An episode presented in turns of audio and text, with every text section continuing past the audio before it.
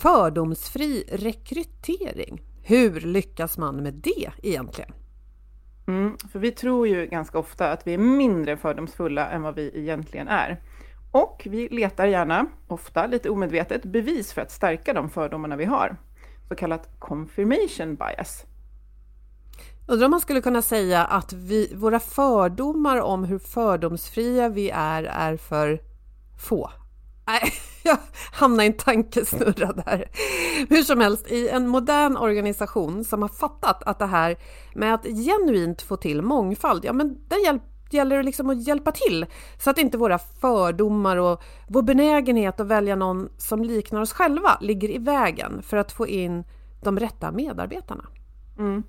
Och forskning visar att framförallt etniska grupper diskrimineras mer än andra vid rekrytering. Och ja, vi vet, vi har ju så mycket att vinna på att just rekrytera fördomsfritt. Och hur, det ska vi prata om idag.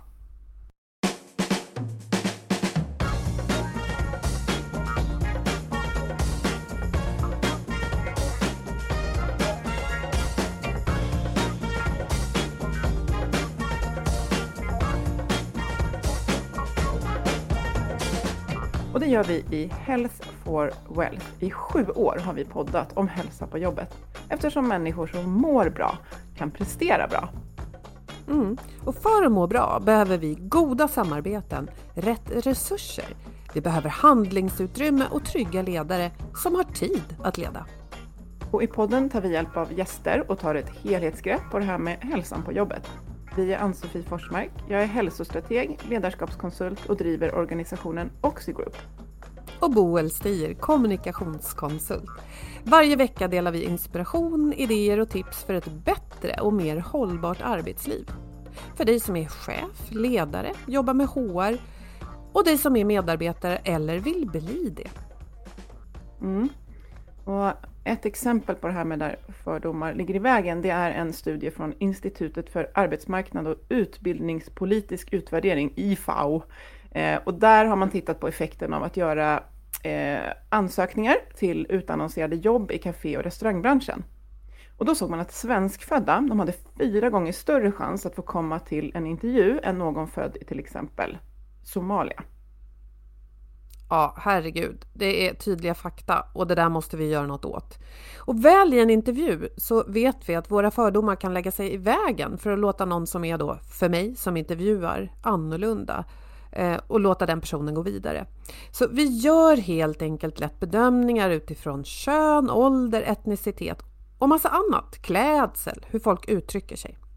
Mm, och som sagt, det kan vara med godaste intentioner och de här kan ligga ganska liksom omedvetet. Eh, och det är mänskligt alltså, och vi har och vi utvecklar fördomar, men vi kan också bli medvetna om dem och vi kan lära oss att hantera dem. Men det kan också gå att få hjälp på ett annat sätt i flera områden, men vi vill ju prata om som sagt, hur kan man få hjälp vid rekrytering av en AI-robot som inte reagerar på sånt där som vi gör. Det ska bli så intressant att prata om och eh, med oss idag har vi VD för Tengai, Elin Öberg Mårtensson. Välkommen Elin! Nej men tack snälla, vad kul att få vara med. Jättekul att ha dig här. Kan inte du bara berätta lite kort om hur det kommer sig att du jobbar med just det här att förändra hur vi rekryterar? Mm. Jag har ju en lång erfarenhet av rekryteringsområdet och har jobbat inom rekryteringsbranschen de senaste, ja faktiskt snart 20 år. Eh, och eh, en av liksom grundparametrarna för att göra lyckosamma rekryteringar är ju liksom att ha rätt person på rätt plats. Och det där är ju lättare sagt än gjort. Historiskt sett så har vi ju tittat liksom på de, de fakta som vi har initialt i en rekryteringsprocess. Ett CV till exempel. Vi gör intervjuer och på den grunden ska vi göra bedömningar. Eh, men har man gjort ett par felrekryteringar genom åren, det har nog eh, nästan alla gjort som på något sätt eh, har jobbat med rekrytering, så inser man att det där är inte så himla lätt. Ibland blir det fel. Och det är dyrt. Så den största frågan och det är väldigt dyrt och det, är, det får påföljder för organisationen och för individer och, och så vidare. Eh, men framförallt så har vi också gått igenom en ganska tung period av liksom kandidatbrist egentligen de senaste tio åren. Där det har blivit ännu svårare att hitta rätt person för rätt plats. Det finns inte kanske tillräckligt med eh, kompetens inom givet område. Eh, och med kompetens i det här fallet så pratar vi kanske kunskaper främst. Eh, och tittar man på, generell, på rekrytering i, i stort så handlar det ju om att göra rätt oftare. Så den frågan har jag med många ställt mig i, branschen. Liksom, hur, hur kan vi göra rätt oftare? Vilka parametrar ligger till bäst grund för att fatta ett, ett välgrundat beslut? Eh, och hur gör vi det utan att färgas av liksom, externa parametrar eller våra förutfattade meningar och ibland liksom, givna fördomar som vi möjligen har. Du var ju inne på det tidigare initialt Ann-Sofie, just det här med att, att vi kanske inte alltid är så medvetna om de fördomar som vi har. Eh, utan mycket av det här sker ju i det omedvetna. Mm. Och ett sätt att råda bot på det eh, är ju att samla relevant data som går att mäta. Eh, data som går att, eh, går att sätta i en, i en kontext där vi vet liksom, att det finns givna parametrar för vad som är ett välgrundat rekryteringsbeslut. Eh, och för att då inte färgas utav, eh, utav våra liksom förutfattade meningar och allting som nu kan färga ett beslut på något sätt eh, så behöver vi vara objektiva och vi behöver bli serverade med objektiv data att fatta beslut på. Det här finns ju inom nästan alla andra branscher när vi ska göra ett beslutsfattande. Mm. Vi samlar allting ifrån liksom balance scorecard till massor med olika typer av beslutsunderlag och ett beslut ska vara så himla välgrundat. Men när det kommer till rekrytering då är vi helt plötsligt väldigt mänskliga och mm. tänker att magkänsla skulle vara det bästa för vårt beslut. Mm. Och så är det alltså inte utan magkänslan har ju en tendens att ställa till det för oss när vi ska fatta rekryteringsbeslut. Eh, och alla, i alla flesta gånger så är det ju såklart fullkomligt omedvetet. Mm. Eh, och det visar ju data gång på gång på gång att vi fatta beslut kring vad som känns, känns bäst eller vad vi tror och liksom saker vi har varit med om som färgar det här beslutet. Det kan ju vara allting ifrån vilken skola vi själva har gått på eller vad för erfarenhet vi som rekryterare har. Mm. Eh, eller hur vi ser på begreppet kompetens. Liksom. Att kompetens skulle vara någonting som är någon form av liksom, samlingsbegrepp för hur, hur, eh, hur träffsäker man skulle vara inför en specifik roll. Mm. Eh, när kompetens i själva verket är liksom många olika typer av mikrobeslut mm. eh, och många olika typer av matchningspunkter i en, i en rekryteringsprocess. Och alla de matchningspunkterna behöver ju vara korrekta för den rollen vi rekryterar. Allting ifrån kunskap till eh, personliga egenskaper till generell logisk förmåga eller andra parametrar som vi vill mäta och kanske också till viss del liksom motivation för rollen eh, hur, hur man samspelar i ett till, tilltänkt team. Eh, och alla parametrar som kommer utifrån det liksom, personliga perspektivet. Mm. Eh, vad som attraherar och vad som gör att man, man trivs på en arbetsplats. Alla de här parametrarna ska ju stämma så det säger sig självt att det är ett väldigt stort beslutsunderlag som man ska ha framför sig när man ska fatta ett sånt här beslut. Eh, och på den givna grunden har, ju, har jag tagit mig an den här liksom, uppgiften i vårt bolag. Jag kom ifrån ett, eh, tidigare från ett rekryteringsföretag som heter TNG som fokuserar specifikt på fördomsfri rekrytering.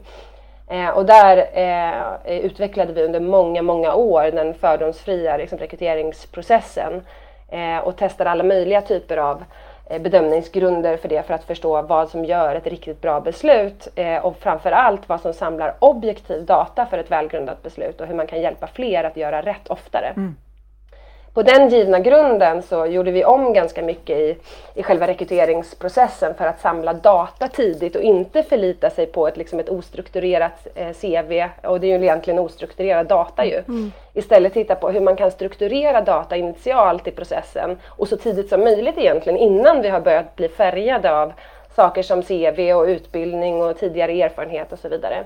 istället titta på de kvaliteter eh, som, som grundlägger ett sånt här beslut. Mm.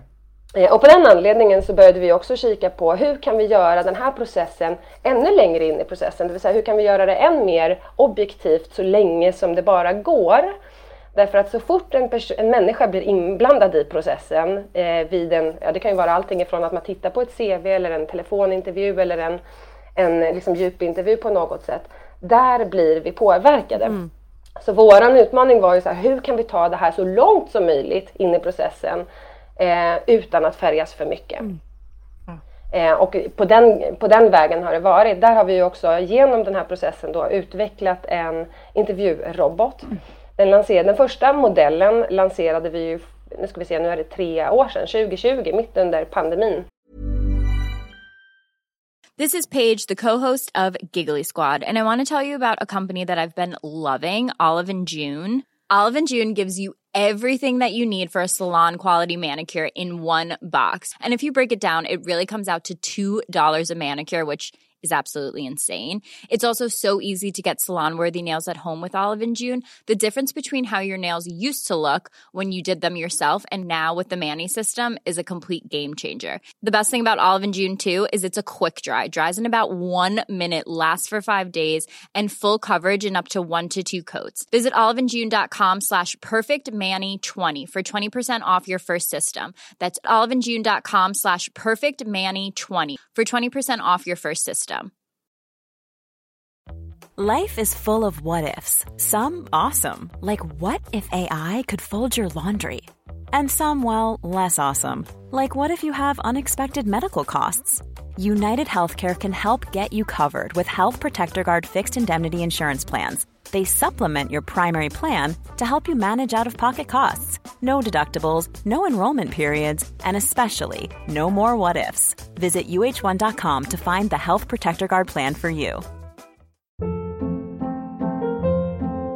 Hold up. What was that? Boring. No flavor. That was as bad as those leftovers you ate all week. Kiki Palmer here, and it's time to say hello to something fresh and guilt-free. Hello Fresh. Jazz up dinner with pecan-crusted chicken or garlic butter shrimp scampi. Now that's music to my mouth. Hello Fresh. Let's get this dinner party started. Discover all the delicious possibilities at hellofresh.com.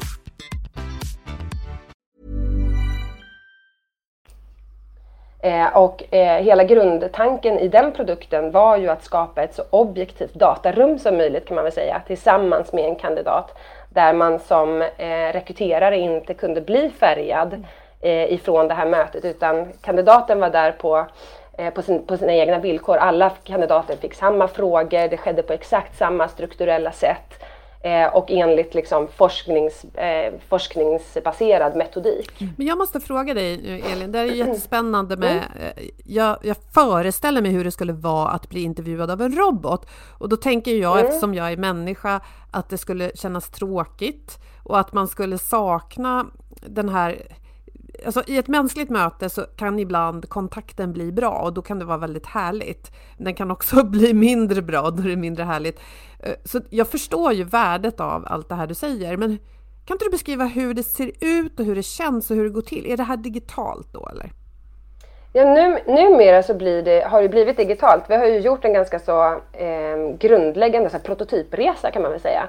Första tesen vi började testa var ju precis det här du är inne på. Kan man tänka sig att ha ett samtal på det här sättet? Det vill säga i någon form av liksom, digital kontext.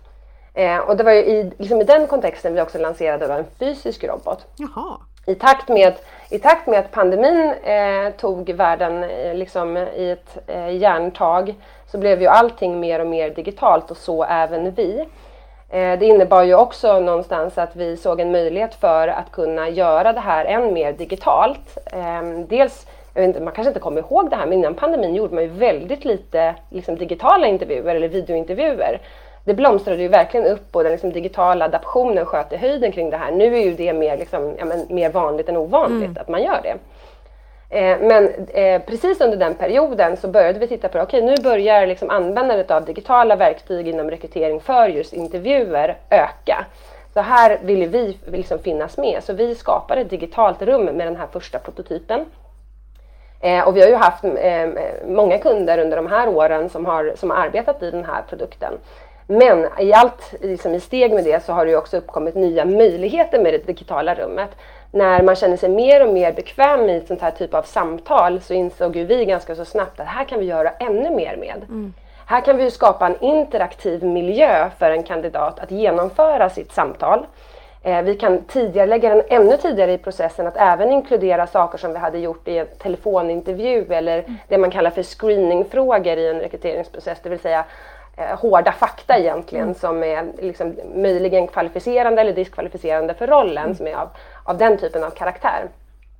Så det har ju också fått till följd att vi har vidareutvecklat vår produkt till att bli helt digital. Den är numera en avatar på skärmen eh, och fungerar helt on demand. Så det betyder ju också att man kan intervjua eller föra sitt samtal när som helst och var som helst ifrån egentligen. Men får jag fråga en sak då?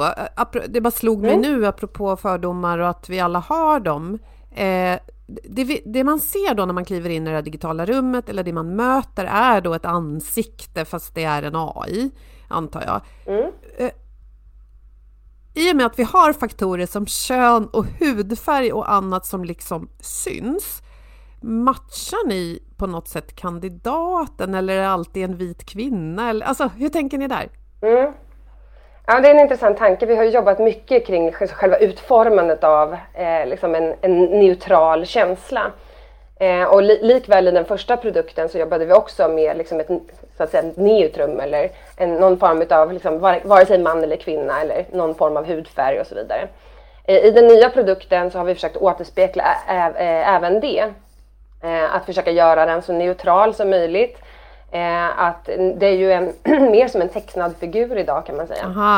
Eh, som ska kännas vänskaplig och liksom eh, bekväm och lite avdramatiserande för liksom själva processen i sig.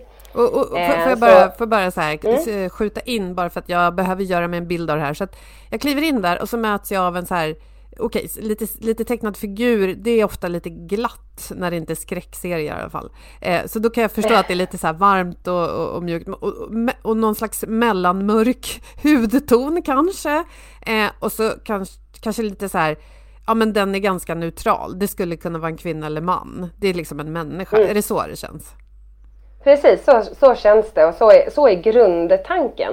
Men sen klart med ett digitalt rum och alla de möjligheter som finns där i så är det klart att vi ser ju en vision av att man också ja, men teoretiskt sett skulle kunna välja vem man vill bli intervjuad av mm. eh, i, i det här digitala rummet. Nu har vi tagit fram en första produkt som vi använder och som är tanken att den ska vara helt neutral. Sen använder vi ju en kvinnoröst. Det kan man ju också ändra på sikt. Vi har ju liksom stöd i den plattformen vi har byggt för att kunna ta in de här parametrarna där man själv kan skapa sig sitt eget digitala rum egentligen mm. på sikt. Eh, nu använder vi en, en kvinnoröst, vi var tvungna att välja något. Eh, vi har ju testat massor med olika varianter för att göra det här så objektivt som möjligt. Eh, och att jobba med en objektiv röst är väldigt, väldigt svårt. Ja. Mm. Eh, och det, det, blir lite, då blir det konstigare mm. än själva intervjuupplevelsen. Så att någonstans så handlar det också om att skapa en så trygg miljö för den här kandidaten som det bara är möjligt går mm. i det digitala rummet. Jag måste också... Så nu med den digitala produkten så finns det också knappar och reglage. Det finns möjlighet att kunna liksom skriva in svar och man pratar. Vi använder ju VoiceTech i vår eh, lösning vilket är väldigt, väldigt unikt på marknaden.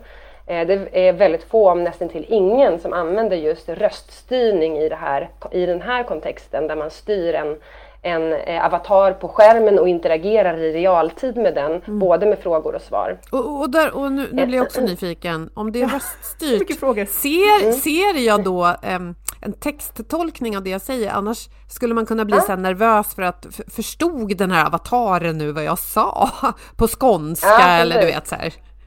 Mm. Eh, man ser, det som, det, de hjälpmedel som finns är ju dels att det är textöverfört, det vill säga att du, kom, du kan se själva frågan också formulerad i text. Det är ju en av de nya grejerna som kommer med tekniken också. Den möjligheten hade vi inte när vi jobbade med en fysisk robot. Mm. Eh, utan det är ju liksom möjligheter som vi har kunnat lägga till i det digitala rummet. Eh, det gör ju också att den blir eh, mer, eh, ja, mer mottaglig för fler, en större, en ännu större grupp av människor för att man tolkar information på olika sätt. Mm. Vilka, vissa tolkar den bättre med ljud medan andra tolkar kanske bättre med text. Mm. Eh, och för att man också ska uppfatta och förstå frågan. Hela intervju, det här samtalstillfället är ju till för kandidaten för att de ska få de absolut bästa förutsättningarna för att kunna prestera och visa upp sig själva mm. i en, en, en strömlinjeformad och strukturerad process. Mm. Liksom. Mm. Ja, men vad jag, intressant. Jag, ja, jag, jag tänkte, jag backar lite till det där med att eh, eh, Eh, alla de här sakerna som, som du beskrev, att vi vill fånga upp i, i, en, i en rekryteringsprocess, liksom personlighet och hur den här personen ska funka i grupper. Jag tänker att det, det, det här med att någonstans så tror jag det liksom finns, kan finnas ett motstånd till att man vill släppa det till AI, för att man känner att men det där, det är ju precis det där som jag liksom, som människa är så duktig på att se. Hur ska Elin liksom passa in här? Hur, hur, eh, hur, eh, ja, hur, hur, möter ni det liksom när ni jobbar med det här? Att man behöver ju förstå att det är faktiskt så att den här AI kommer vara bättre på att prognostisera om det här kommer funka än jag. Kan man liksom ta det som, som mm. rekryterare, chef? Liksom? Jag, jag, tror att det där är en vanlig missuppfattning. Att man tror att vi människor är så himla bra mm. på att se alla de där nyanserna mm. och känslan för vem som ska passa i gruppen och du vet. Egentligen det som det skapar är ju vår egen bekräftelse av våra egna fördomar faktiskt. Eh, utan någonstans så kommer, kommer vi ändå tillbaka till, om vi skulle göra det här i manuell form, så hade vi ändå tittat på vilka mikrobeslut är det som vi fattar här nu på vägen. Till exempel om man ska passa i den här gruppen, vilka personliga egenskaper är det som är viktiga? Ja, men det är viktigt med eh, att man är so eh, so socialt anpassningsbar. Det är viktigt med att man har en god förståelse för teamorientering. För den här specifika rollen så behöver vi också titta på problemlösningsförmåga till exempel. För den komponenten behövs extra mycket mm. i det här teamet. Mm. Och alla de sakerna går ju att mäta. Ja. Och det gör man ju i manuell form också genom att ställa relevanta och rätt frågor för att kunna förstå en persons problemlösningsförmåga till exempel. Eller låta en kandidat göra någon form av självskattning i olika typer av påståenden. Och den funktionaliteten finns ju i vår produkt. Vi ställer ju påståenden. Eh, skulle du säga att du är på det här sättet? Mm. Ja eller nej? Skulle du säga att du är alltid på det här sättet? Skulle du säga att det finns situationer du inte är det? Eh, och sen vägs det upp med de här mer kontrollerande frågorna när det gäller kompetensbaserad metodik då, som man använder egentligen för att bekräfta en persons självskattning. Det vill säga att ja, men jag påstår att jag är någonting. Om jag också kan sätta det i en kontext där jag kan beskriva hur jag, på, hur jag använder min påstådda personlighet eller påstådda egenskap då kan vi mer förstå hur det här skapar ett beteende och på sen på mm. sikt skapar ett resultat i en organisation. Men, men jag... Så det handlar ju ändå om att liksom skapa de här datapunkterna i, ett, i ett manuellt beslut också. Men jag tänker på en sak, eh, precis det här du säger, så här, vad, vad påstår den här personen att hen kan? Och eh, liksom, kan jag på något sätt väga in erfarenheter eller annan fakta för att få en kanske mer realistisk bild av om det stämmer eller inte.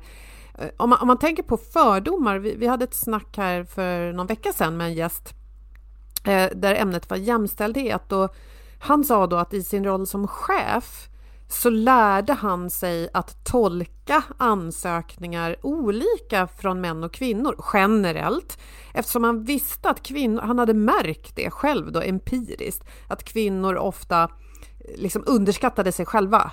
Eh, om en mm. kvinna och en man med samma erfarenhet och kompetens, eh, liksom, kvinnan kanske skattade sig på någon slags skala då som sju medan mannen sa nio eller tio. Mm. Hur gör man med sånt? Jag tror att det viktigaste här är ju eh, att eh, dels att strukturera och eh, strukturera informationen som du ska samla in på ett vetenskapligt sätt. För även till trots om vi om sitter vi och jämför CVn så kommer vi att jämföra äpplen och päron därför att det är alltid i olika format, det är olika människor som har skrivit och så vidare. Det vi vill göra är att jämföra äpplen och äpplen. Mm. Eh, åtminstone re mest relevant information ställd mot varann. Mm. Så egentligen, och på det, eh, med, med den metodiken så kommer det ju att komma ut liksom ett genomsnitt av mänskligheten på andra sidan. Mm eh, liksom automatisk därför att vi bedömer andra punkter som inte har någon form av diskrimineringsgrund, till exempel kön. Kön är ju inte ens en parameter i en sån här typ av produkt. Mm. Eh, det finns inte ens den informationen att kunna ta ställning till för en algoritm så att det skulle kunna vägas in. Så att allting handlar om att hela tiden gå tillbaka. Vilka givna regler är det som, som ligger till grund för ett bra beslut? Mm. Det ska vi mäta. Så att eh, i, liksom till syvende och sist så kommer det ändå komma ut liksom ett, ett eh, jämförbart resultat utifrån de parametrar man sätter upp. Och då är det... Eh, och sen tror jag... Mm, sen, det är ännu... sen är det ju fortsatt så här, sen är det fortsatt så här att alla de här parametrarna eh, eh, ligger ju liksom i, en, i en större kontext också. Den delen som vi gör av rekryteringsprocessen är ju att ta in all den här initiala datan som blir massor, massor med liksom strukturerad data i det här fallet presentera den för någon som väger in andra parametrar, till exempel gruppdynamik, till exempel all input för att vi ska förstå vilka saker som, som ska mätas. Mm. Det gör ju en rekryterare eller en rekryterande chef i det här fallet mm. och väger in fler parametrar i, i processen. Så där får man ju också kanske in mer med tolka mig rätt, men fingertoppskänsla för sin process som vi som människor tycker är så viktigt. Ja, om eh, inte, som... annat, om inte annat så tror jag att vi människor inte är redo att acceptera en process där det bara är AI hela vägen till, till påskrivet avtal. Ja, nej men, och det är också, man ska också ha med sig att en rekryteringsprocess är alltid en tvåvägsgata. Mm. Liksom. Det är ju en kandidat som ska fatta mm. ett beslut också. Mm. Eh, och gör vi det för liksom, maskinellt eh, och bara titta på liksom, det här kan algoritmerna lösa och så vidare, då, då, då tror vi vi får en ganska så tråkig upplevelse för kandidaten också. Mm. Så en av de delar som vi använder vår produkt nästan uteslutande till, liksom inriktning på, är ju att skapa en bra upplevelse för kandidaten. Mm. Och det var ju på den förekommande anledningen som vi också fick kontakt därför att vi började mäta hur ser kandidatupplevelsen ut generellt sett på marknaden? Vad är det man går igenom som kandidat när man söker jobb? Ja. Eh, vad, vad, finns det liksom för, för fallgropar och för utmaningar och vad är liksom normen? Ja. Och där ser man ju ganska tydligt att som kandidat är man inte direkt bortskämd i en rekryteringsprocess med bra upplevelse utan de ser ut så som de nästan alltid har sett ut. Man skickar ut in sitt CV, man väntar på svar, man fyller i formulär. Det tar liksom orimligt lång tid. Ehm, man kanske inte ens hör någonting tillbaka om man har otur, vilket vi ju fick uppleva ganska många gånger under de här testerna vi genomförde. Eh, och där tror jag, där kan vi använda teknologi för att se till att alla kandidater blir inbjudna i processen, att alla får en känsla av transparens, att alla får en känsla av att man är delaktig i sin egen ansöknings eh, och rekryteringsprocess. Mm. Inte bara de toppskiktet som man tänker sig skulle gå vidare som får höra, liksom, mm. Eh, höra ifrån den tilltänkta arbetsgivaren relativt omgående medan andra bara blir placerade i någon hög någonstans. Ja, så i bäst... Det finns ju massor med ja. outnyttjad potential här. Ja, i bästa fall, jag vet att jag efter en eh, eller till och med i ett sånt där rekryteringssamtal en gång fick jättebra feedback från rekryteraren vilket ledde till att jag inte alls sökte det där jobbet Nej, men så här, man, man, kan få insikter i en sån process om mm. sig själv. Men då bygger det ofta mm. på att den som intervjuar eller vad det nu är ser någonting som den kan ja, visa. Men du kanske söker fel jobb här eller borde inte du tänka så här eller skulle, ja, så. Och, mm. och den tanken är ju underbar tänker jag. Att så hade vi ju velat att alla kandidater fick liksom mm. red carpet treatment, eller hur? Mm. Problemet är ju i liksom de flesta rekryteringsprocesser idag så, så finns det väldigt lite tid för det. Eh, mycket är redan strömlinjeformat, det är bara det att vi inte har liksom satt den sista finessen på att kandidaten också ska uppleva det som trevligt. Mm. Eh, och har du en process, låt säga att du har en process med flera hundra, kanske flera tusen kandidater, då, då finns ju inte ens den tiden att göra till exempel personliga återkopplingar till alla. Nej. Men där kan ju teknologi faktiskt hjälpa oss mm. att kunna skapa en mycket god upplevelse för alla oavsett hur många kandidater du har i processen. Mm. Nej, men det är intressant. Ja. Vad, vi tittade i början av avsnittet på mm. eh, hur, hur skevt det ser ut där ute och hur mycket fördomar och bias som hindrar rätt människor att nå rätt eh, position på arbetsmarknaden. Vad, vad, har ni för fakta? Ni har varit verksamma nu några år. Kan ni säga någon, någonting om hur era processer faktiskt är bättre än traditionella? Ja, det vi kan se är att det kommer, det kommer fram liksom fler kandidater med, eh, med större mångfald, både män och kvinnor i varierande åldrar, därför att de parametrarna inte ens finns med som bedömningsgrund i, när man bygger en sån här process och tillsammans med våra kunder när vi designar dem. Så det kan vi se att det blir en större mångfald. Vi har ju varit mycket engagerade i talangprogram till exempel. Eh, och där kan vi också tydligt se att det inte är de liksom, direkt givna kandidaterna som hamnar i slutfas därför att det kanske är andra saker som man behöver mäta inför, eh, inför en sån tillsättning. Mm. Så generellt sett kan vi se det. Eh, vi kan också se att fler upplever, upplever det som motiverande och engagerande att söka jobb på det här sättet. Det, har, det kommer ju, jag menar hela det fördomsfria tänket är ju inte bara drivet utifrån att man vill fatta goda beslut utan det är också drivet från kandidatmarknadens mm krav på rekryteringsprocesser att de ska vara objektiva. Man vill bli objektivt bedömd. Mm. Eh, och där ser vi en enorm fin respons från kandidatmarknaden, att man upplever att det är seriöst, det är svåra frågor, det är väldigt djupgående frågor. Det är, liksom, eh, det kanske inte som man hade förväntat sig att en sån här produkt skulle, skulle genomföra en process, därför att allting är forskningsbaserat, allting följer givna regler. Eh, och man får en god och engagerande och ganska så rolig faktiskt upplevelse på vägen. Eh, så där ser vi ju en enorm respons liksom ifrån från kandidatmarknaden. Och det är ju, det är, som jag säger, det är ju en tvåvägsgata. Det är ju från båda sidor som det här ska vara både trevligt och välgrundat. Ja, verkligen. Jag, jag måste fråga, eh, det, jag tänker det fanns ju, Microsoft hade ju en, en eh, robot som man fick plocka bort för att den blev rasist och det berodde ju på vad som liksom den programmerades in. Hur ser man till att, att eh, den här AI-roboten matas med liksom eh, rätt, ja den ska ju vara helt, vad ska man säga, neutral och objektiv. Hur, hur liksom säkerställs det? För det, det, är ju ändå ett mänskligt hantverk att, att bygga och skapa den. Mm, nej men visst är det så. Jag tror att det där, eh, det där börjar ju allt mer också regleras och det har vi haft med oss ända sedan starten. Men vi kommer ju från den sidan att vi ska utveckla mm. fördomsfria produkter. Det är ju vår liksom huvud, huvudpoäng.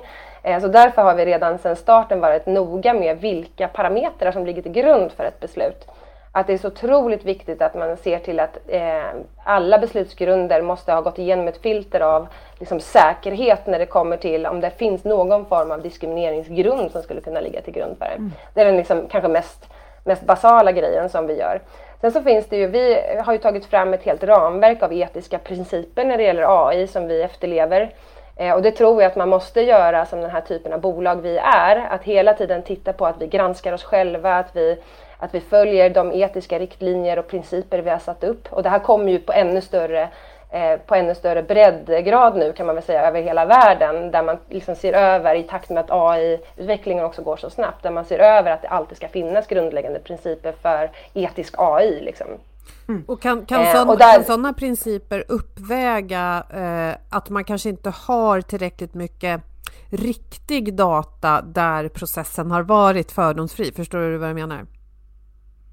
Nej, inte riktigt. Nej, men så här, eh, jag är ingen expert på det här, men har, har länge hört om liksom, riskerna med AI. Eh, att till exempel i USA där man har börjat arbeta, eh, arbeta med AI inom domstolsväsendet och så ser man att ja, men till exempel då kan AI, om den inte är väl skapad, tänka så här, jaha, men den här, eh, eh, den här åtalade är eh, inte svart nödvändigtvis, för ANC är ingen hudfärg, men bor i ett postnummerområde där det är väldigt hög förekomst av eh, kriminalitet då är postnummerområdet eh, bebott av mestadels svarta och då liksom vägs det in som en, då är nog möjligheten att den här killen eller tjejen är skyldig hög. Ja men du förstår det där. Mm. Och, och Absolut, historisk... det är precis på, mm. precis på det sättet som, som man skapar högriskprodukter. Mm. När man lägger, lägger in parametrar som skulle kunna vara diskriminerande. Postnummerområde skulle kunna vara en sån, ålder är en annan, kön är en annan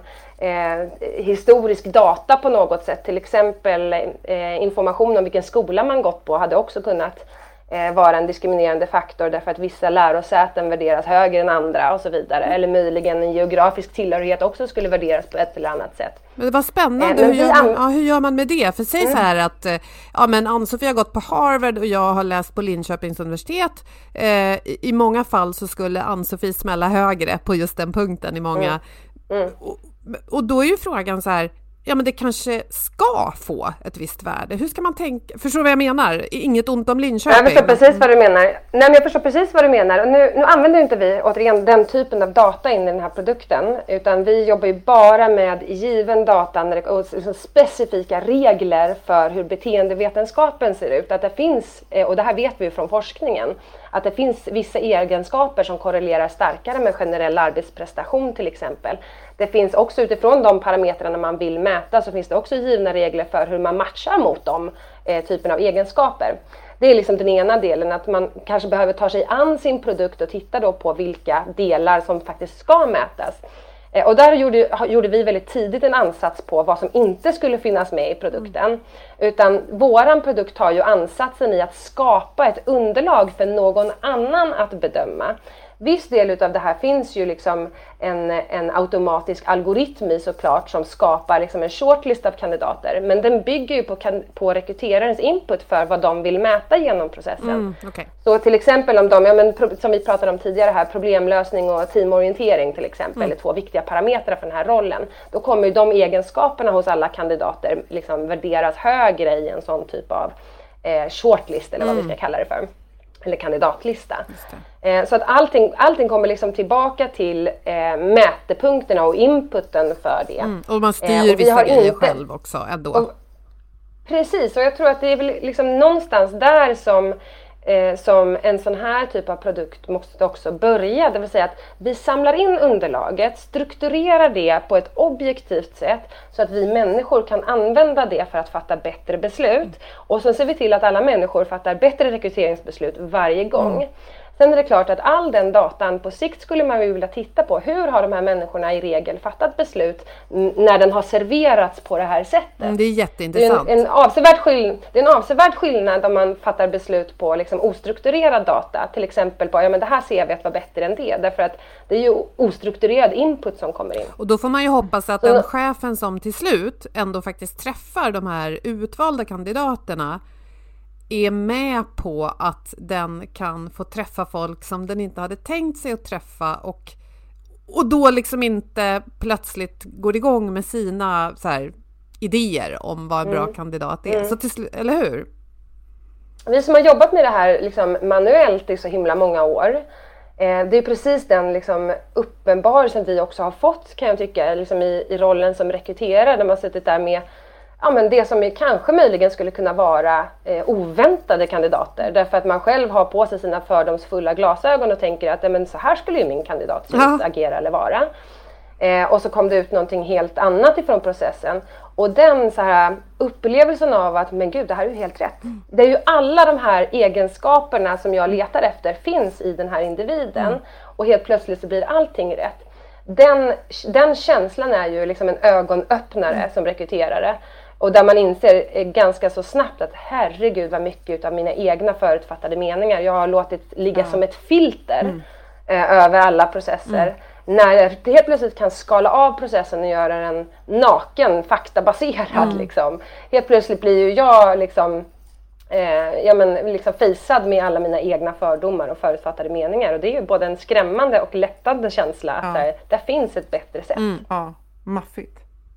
Ja, det är, super, eh, det är, det är superintressant och jag, jag tänker att det är verkligen eh, eh men som jag var inne på, liksom att det, det, ligger, det ligger i vägen det här att man tänker att men det här är ju någonting som jag som människa är bättre på. att liksom, Jag kommer ju kunna bedöma om Boel och Elin passar in i min grupp. Liksom, att, eh, det är så häftigt att få göra den här när man säger nej men jag, jag eh, inser ju faktiskt att det här behöver jag hjälp med. Det ligger i vägen massa saker.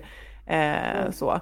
Och eh, jag tänkte också... Ja, man behöver liksom hjälp med ah, sitt balance scorecard. Exakt. Man behöver hjälp med att fylla i de där liksom, tomrummen med, med relevant och eh, korrekt data. Ja, och, och, som du säger, just den här tvåvägs... Eh, faktiskt att, eh, att faktiskt kunna hjälpa dem som Eh, vill, ska bli rekryterade, vill bli rekryterade, eller, eller, i många fall är det ju så att det är ju en kanske som blir det och resten blir inte det. Jag tänker att den upplevelsen ändå längs vägen kan vara, kännas värdefull och i många fall liksom, alltså faktiskt respektfull, liksom, att bli behandlad. Mm. För det leder mig in på som sagt hur vi fick kontakt och det var att du gjorde ett fantastiskt LinkedIn-inlägg eh, där du berättade att du hade testat under annan profil då, annat namn, eh, att söka 70 stycken jobb. Eh, och du upptäckte ju en hel del brister där ute och jag tänker att eh, vad, vad, skulle du vilja liksom göra ett medskick till våra lyssnare som, som jobbar med rekrytering? För egentligen så tänker jag, det gör alla som är anställda någonstans, vi är alla berörda av eh, hur det rekryteras.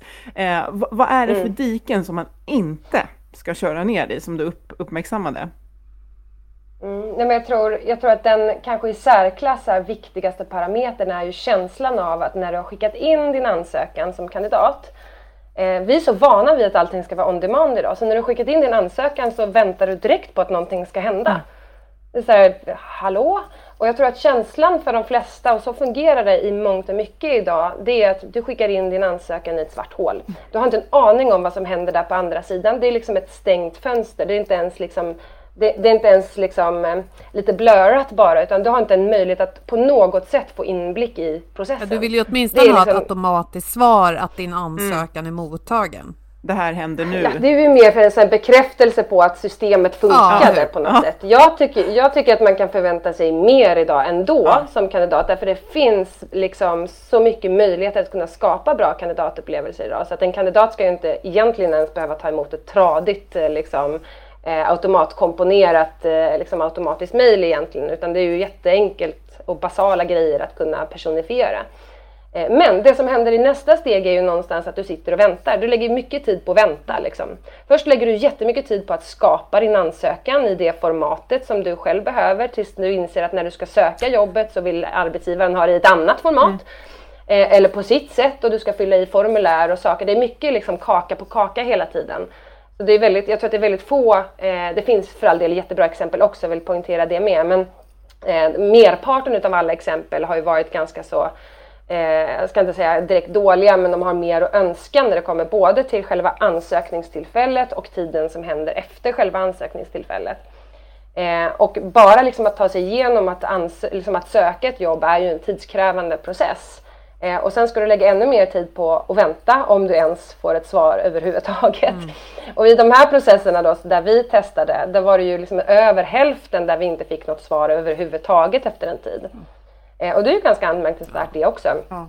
Eh, men, eh, och i de flesta fall så fick man åtminstone ett, eh, alltså i hälften av fallen fick man liksom ett, ett automatiskt ett automatiskt svar på nej-tacket också. Mm. Eh, och det gör ju någonstans att liksom själva uppmaningen skulle jag säga är ju att försöka att skapa personliga upplevelser och individuella upplevelser för kandidater som söker. Det är ju trots allt den första inblicken i liksom det här företaget och varumärket och alla känslor vi vill ska skapa. Jag tycker vi som, som liksom rekryterande företag är vi superbra på att skapa annonser. Mm. Mm de ser ut på alla möjliga bra sätt och de är pitchiga och säljiga och liksom, det ska vara härligt att söka. Men sen när man väl söker, då glömde vi bort att det där skulle hänga med in i processen också. Där man som kandidat känner sig sedd, man får veta vad som händer i nästa steg, det finns en transparens. Det finns liksom en möjlighet att kanske också kunna påverka processen. För jag tror en, en av de delarna som jag kände var så, här, oh, så himla frustrerande, och det är säkert fler med mig som känner det, att när man söker ett, om man söker ett jobb som man tänker, det där är jag ju som klippt och skuren för. Det står ju mitt namn på den där mm. annonsen. Det där är ju jag verkligen. Och så skickar man in sitt, liksom sitt, sitt CV och i det här formatet som bara, oh, oh, jag skulle så himla gärna vilja berätta mer. Det är ju oftast det som är tank, tror jag, så här, känslan från ansökningsperspektivet, att man så gärna vill prata med rekryteraren för man vill ju pitcha in sig själv. Mm. Så här, jag kan alla men jag har jobbat med de här grejerna och jag har gjort allt det här och det här och det här. Mm.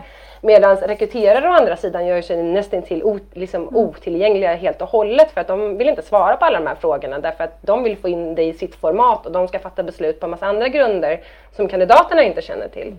Så någonstans så handlar det om hela tiden att kunna skapa känslan för kandidaten att man faktiskt får möjlighet mm. att kunna lägga till mer information till exempel då till sin process eh, och från den här knytpunkten kunna skapa en transparens för så att man också förstår hur det här beslutet ska fattas. Mm. Vi kommer fatta beslut på de här, vi kommer mäta de här sakerna, det är viktigt med de här personliga egenskaperna och de här andra liksom, parametrarna som vi har i våra, i våra beslut. Eh, och det kommer vi att göra på det här och det här sättet. Och likväl, om man nu inte går vidare, så är väl det minsta man kan förvänta sig att man får ett svar på varför man inte har gått vidare. Mm. Eh, och vad, liksom, vad var det jag föll på? Ja, det klassiska eh, är väl eh, tack för att du ansökte till XXX. Eh, vi, fick, vi har fått väldigt många kvalificerade ansökningar och bla bla bla. Ja, ja. ja väldigt, ström, väldigt strömlinjeformat. Ja. Och det är också en av dem, när, när vi pratar, när, liksom det här med kandidatupplevelse är så otroligt viktigt för mig och för den produkten vi i vårt företag utvecklar.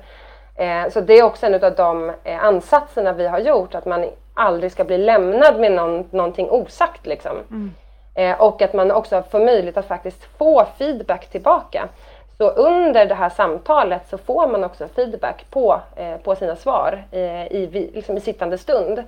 Eh, allting för att kunna skapa liksom en förståelse också för hur beslutet framåt kommer att fattas. Men det är ju bra att om, när AN gör den där summeringen kan, får jag då också om jag då har insett så oj, jag glömde ju säga det där, får jag en möjlighet att liksom mm. lägga till något då?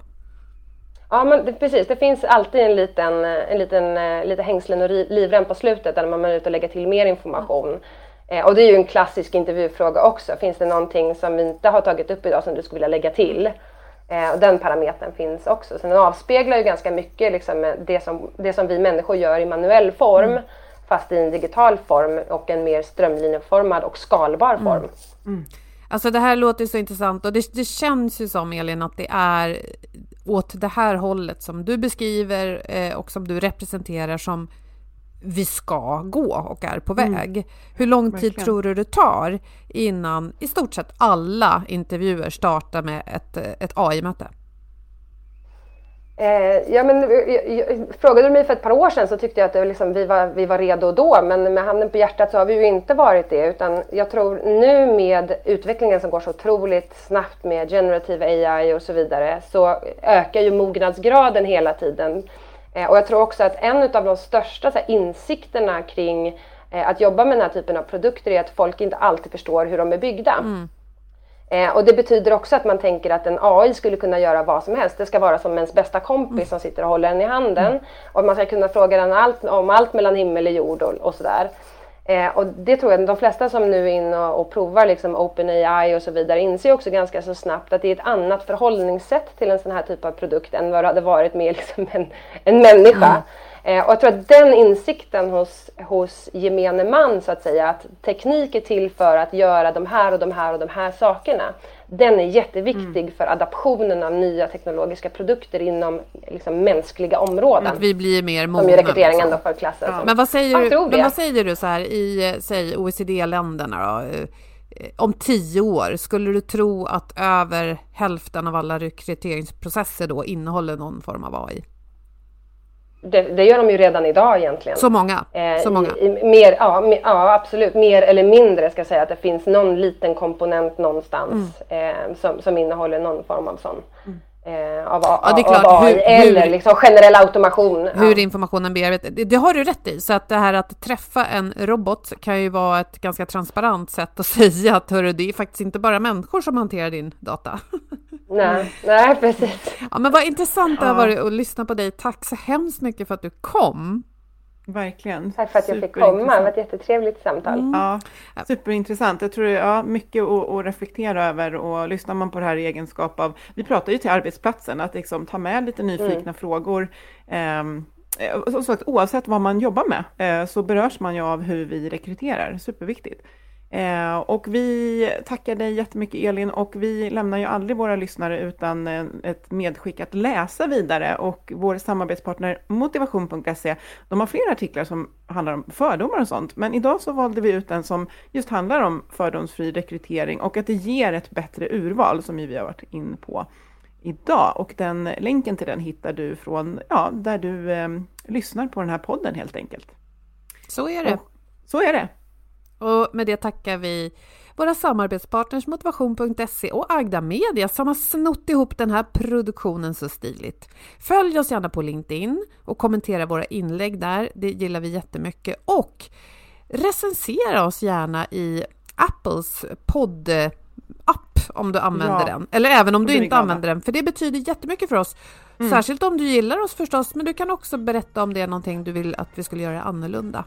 Det vore mm. toppen. Så hörs vi om en vecka igen. Må så gott. Hej då! Hej då!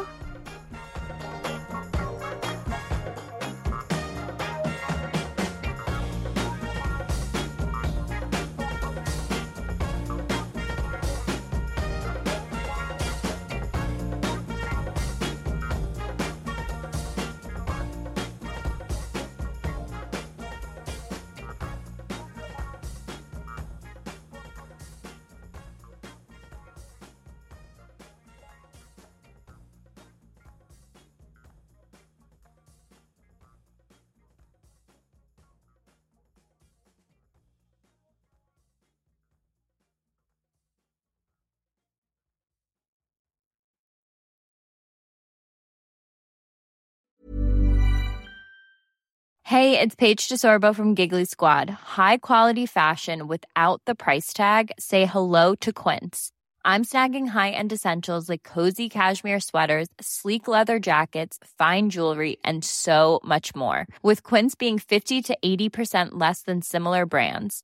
And they partner with factories that prioritize safe, ethical, and responsible manufacturing. I love that. Luxury quality within reach. Go to quince.com slash style to get free shipping and 365 day returns on your next order.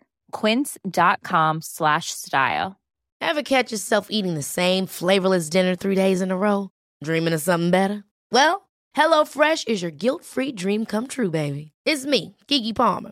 Let's wake up those taste buds with hot, juicy pecan crusted chicken or garlic butter shrimp scampi. Mm. Hello? Fresh. Stop dreaming of all the delicious possibilities and dig in at HelloFresh.com. Let's get this dinner party started. Planning for your next trip? Elevate your travel style with Quince. Quince has all the jet setting essentials you'll want for your next getaway, like European linen, premium luggage options, buttery soft Italian leather bags, and so much more. And is all priced at 50 to 80% less than similar brands. Plus, Quince only works with factories that use safe and ethical manufacturing practices. Pack your bags with high-quality essentials you'll be wearing for vacations to come with Quince. Go to quince.com/pack for free shipping and 365-day returns.